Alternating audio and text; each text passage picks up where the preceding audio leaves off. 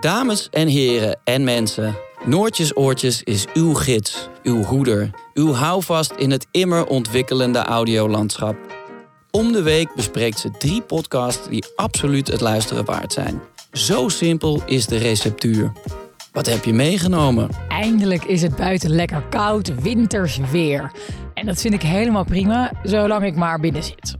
Ik weet niet of dit voor jou herkenbaar is, maar de drie podcasts die ik in deze aflevering ga tippen, die slepen me momenteel door de wolkbreuken en alle mistige ellende heen. Kookverhalen, random gesprekken op straat en een krankzinnige Twentse multimiljonair.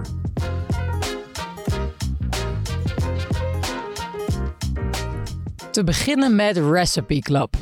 Stop met wat je aan het doen bent en ga naar Spotify. Tik in Recipe Club en neem de rest van de dag vrij. Want een informatieve, goed gemaakte, grappige podcast binnen het foodgenre was ik nog niet eerder tegengekomen. Tot nu dus!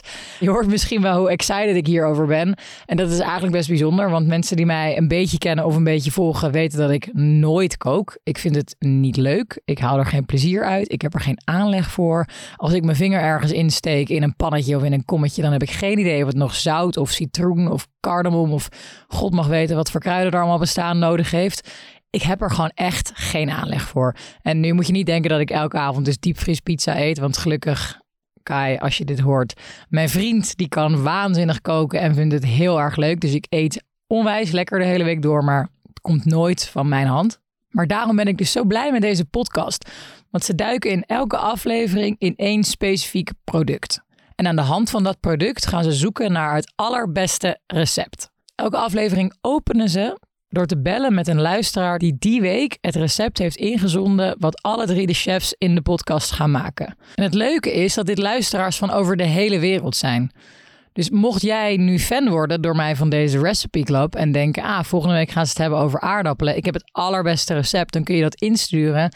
En wie weet gaan ze het dus gewoon koken. Jouw recept. Goed, dat zal mij niet zo snel gebeuren. Maar ze gaan dus in op één specifiek product. Bijvoorbeeld bananen, diepvriesfrieten, kikkererwten. Maar ook boboli, haliboet en okra. En dat zijn dan weer dingen waar ik nog nooit van had gehoord. Dus er valt ook daadwerkelijk nog iets te leren.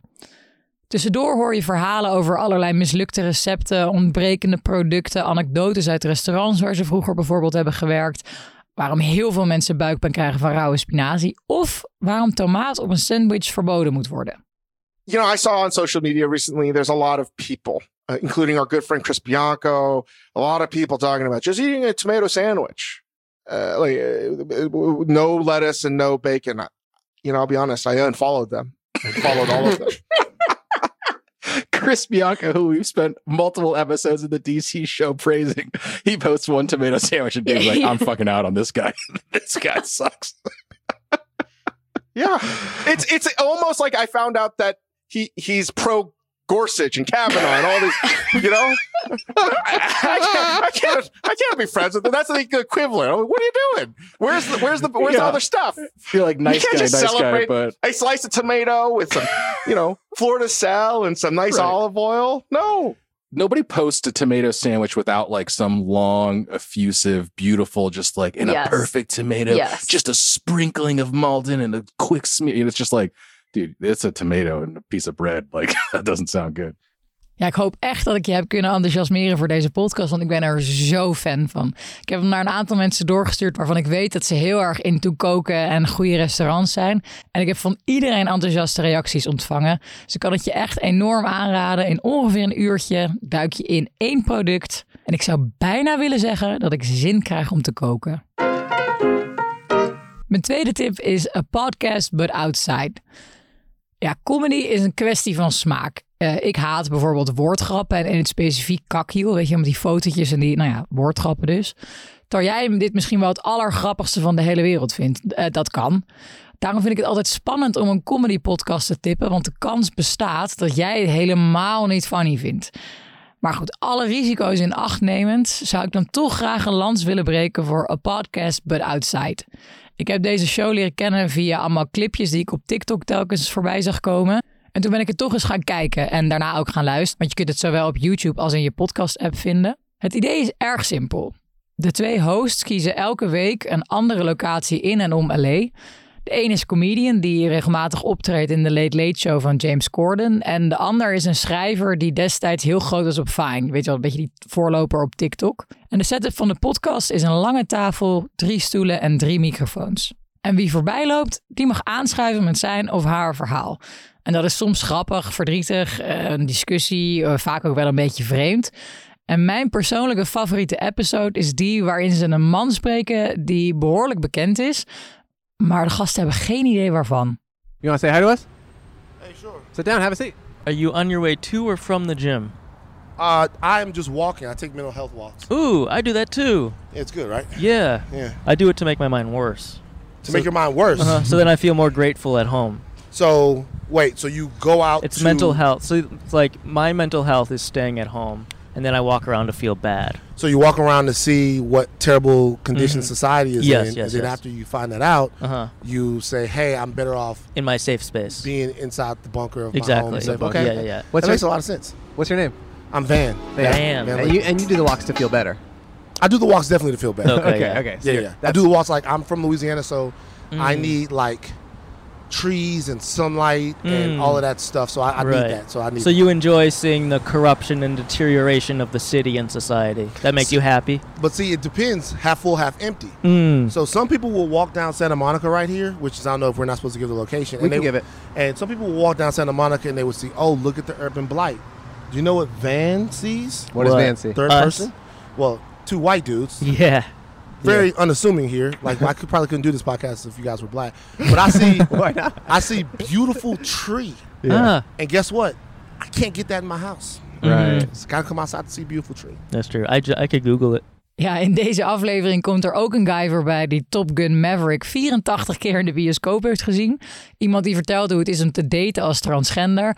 Eh, en weer een ander vertelt hoe hij op latere leeftijd als biseksueel uit de kast is gekomen. En hij heeft geloof ik vijf kinderen en al, al twee huwelijken met vrouwen. En dan nu dus een relatie met een man.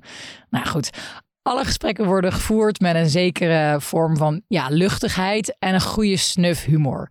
En ik denk, als ik het zou moeten vergelijken met een Nederlandse podcast, dan is dat de Supergaande podcast. Eh, ze nemen ook buiten op in verschillende plekken door heel Nederland.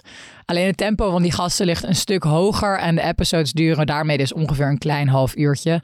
Maar het staat wel net zoals een podcast Put Outside op YouTube en in je podcast app. Dus je kunt zowel luisteren als kijken.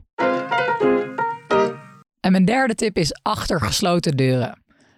Ik heb de trailer van deze podcast in de zomer al een keertje beluisterd, maar ik moet eerlijk toegeven dat ik toen niet echt werd gegrepen. Dat kwam onder andere omdat de naam Rian van Rijbroek meteen naar voren komt. Ehm, zij is een zelfverklaard cyberdeskundige. En de populaire podcast In de Ban van Rian, die gemaakt is door het AD, eh, dat heet In de Ban van Rian. Maar daar kan ik echt met mes en vork nog niet doorheen. Dus ik moet eerlijk bekennen dat toen dus die naam van Rian viel, dat ik dacht, oké, hier heb ik geen zin in, in dit eh gekkie verhaal. Dus om die reden knapte ik eigenlijk ook een beetje op deze podcast af. Maar een paar weken terug heeft Achter Gesloten Deuren de award voor beste podcast van het jaar gewonnen. En toen heb ik besloten om het nog een kans te geven. Het verhaal gaat over de Twentse multimiljonair Gerard Sanderink, de vriend van dus Rian. Deze podcast van het FD focust zich op de zakelijke en juridische kant van het verhaal. Aan de naam Gerard Sanderink zegt je misschien niet zoveel, maar de bedrijven Structon en Centric waarschijnlijk wel. Structon is een bouwbedrijf en Centric is een IT-bedrijf. Bijvoorbeeld uh, je belastingaangifte-app, die is van de hand van Centric. En ook het bouwbedrijf Structon doet heel veel werk voor en met de overheid samen. Je kunt je dus wel voorstellen dat deze bedrijven heel belangrijk zijn voor de Nederlandse overheid. Maar het lastige is dat Sanderink op zijn zachtst gezegd ja, een bijzondere man is.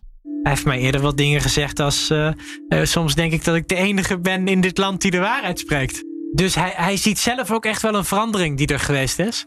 Maar hij ervaart dat zelf als dat hij een, een, ja, een soort slachtoffer is van een heel groot complot. Hij ervaart dat als dat, dat de omstandigheden veranderd zijn en niet hij zelf. Ja, en de mensen om hem heen ervaren het alsof hij is veranderd. Uh, ja, ja. Ja, een verhaal over leugens, fraude, de lelijkste vechtscheiding van de eeuw, complottheorieën, kamervragen en nog veel meer. Ik vind het smaakvol gemaakt zonder dat er te veel emotionele poespas bij komt kijken. Met als kern de zakelijke bedrijvigheid van meneer Sanderink en de invloed daarvan op Nederland.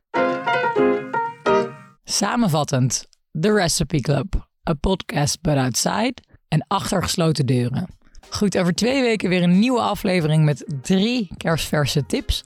Op de dinsdagen vanaf nu, want dat werkte toch voor iedereen achter de schermen. Uh, lees mezelf een stuk beter. En ik zou zeggen voor nu, lekker luisteren. Niks missen? Volg dan ook Noortjes Oortjes op Instagram.